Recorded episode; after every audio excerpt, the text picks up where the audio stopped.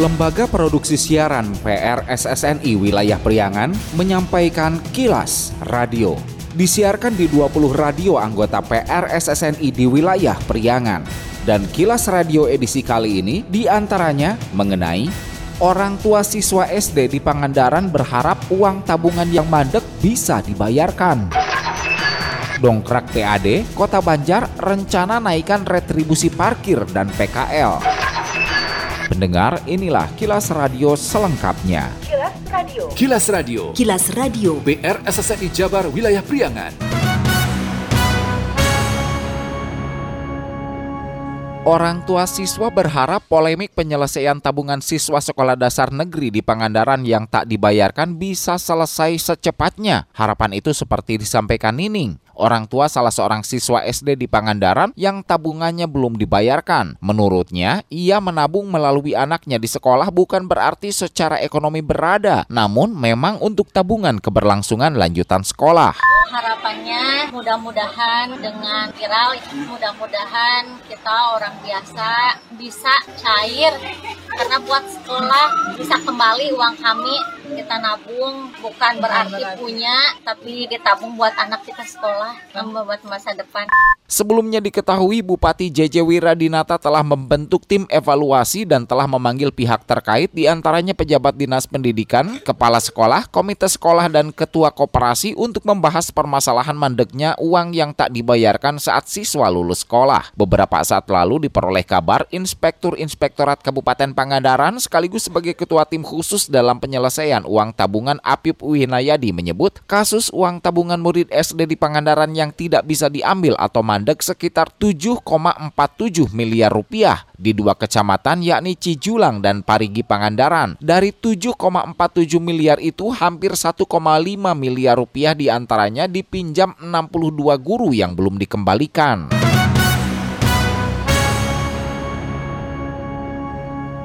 Ketua Komisi 2 DPRD Kota Banjar Asep Saiful Rohmat menyatakan tarif retribusi parkir kendaraan bermotor di tepi jalan raya di Kota Banjar dan retribusi pedagang kaki lima PKL direncanakan mengalami penyesuaian atau kenaikan. Asep usai rapat evaluasi capaian realisasi PAD bersama mitra kerja di gedung DPRD Kota Banjar Selasa 4 Juli menyebut tujuan penyesuaian tarif baru retribusi parkir kendaraan untuk mendongkrak potensi pendapatan daerah PAD. Selama ini Pemkot Banjar masih menggantungkan pendapatan dari pemerintah pusat. Lebih lanjut disebutkan pihaknya akan melakukan pembahasan rencana penyesuaian tarif retribusi bersama Pansus DPRD. Target penerimaan dari PAD itu harus bertolak pada peningkatan ekonomi masyarakat bukan tujuan akhir, tapi itu hanyalah dampak. Kendala dalam sekarang itu karena memang secara nasional kita mengalami perlambatan perekonomian. Nah, di sini kita juga harus lebih mengintensifkan jangan sampai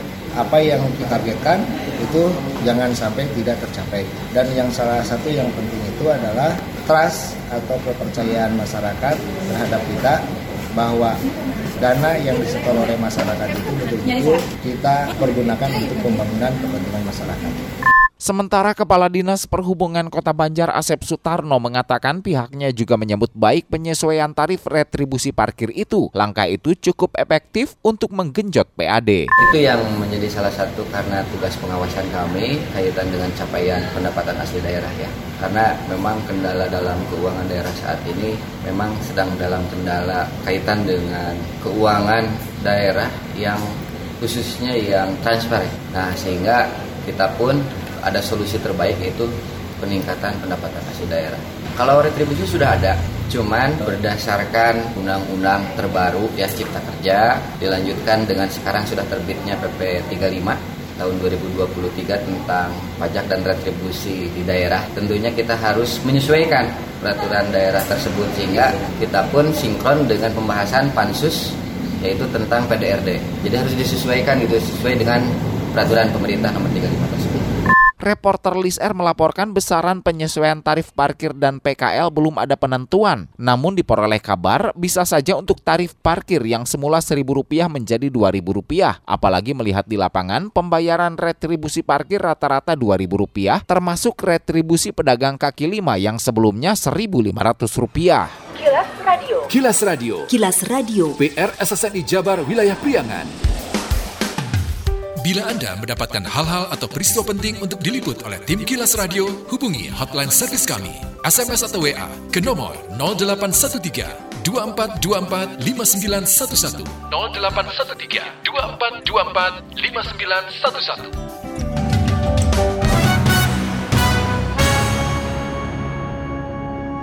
Wali Kota Banjar ADUU Sukaisi menyatakan masih banyak permasalahan yang dihadapi Perumda Tirta Anom, misalnya kebocoran pipa, kualitas air, atau masih banyaknya masyarakat yang belum mendapatkan air bersih. Karenanya ia berharap kebocoran segera diperbaiki. Ade, usai menghadiri syukuran Hari Perumda Tirta Anom ke-19 di kantor Perumda Tirta Anom Kota Banjar akhir pekan lalu menyebut kebocoran pipa yang hampir mencapai 32 persen dikarenakan kondisi pipa yang sudah lama. Wali Kota berharap secepatnya untuk bisa memperbaiki masalah kebocoran pipa karena selama pipa tidak direvitalisasi, kebocoran akan terus terjadi. pipa anu tahun zaman Belanda belum diperbaiki. Nah, itu dan mudah-mudahan nanti ada bantuan DAK ya kita kejar. Targetnya Insya Allah. tahun ini atau tahun depan? Tahun ini mah sudah lewat atuh. Oh, tahun depan. Ya, tahun depan. Itu apalah anggaran. Kebocoran hampir 32 persen ya. Heeh. Tapi tadi saya menyampaikan bahwa soklah kita lihat kalau ada kebocoran kecil to- tolong perbaiki. Tapi selama itu pipa nggak direvitalisasi, kebocoran akan terus karena waktu zaman Belanda ya. Sementara Direktur Perumda Tirta Anom Kota Banjar E. Fitrah Nur Kamilah menyampaikan terkait kebocoran pipa yang sering terjadi pihak Perumda Tirta Anom telah berusaha semaksimal mungkin untuk menindaklanjuti secara cepat di mana setiap bulannya hampir 10 kali melakukan perbaikan. Revitalisasi pipa sendiri diperkirakan butuh dana kurang lebih 64 miliar rupiah. Pihaknya sangat berharap pemerintah kota atau leading lini sektor lainnya untuk membantu revitalisasi pipa. Info Pemilu. Info Pemilu.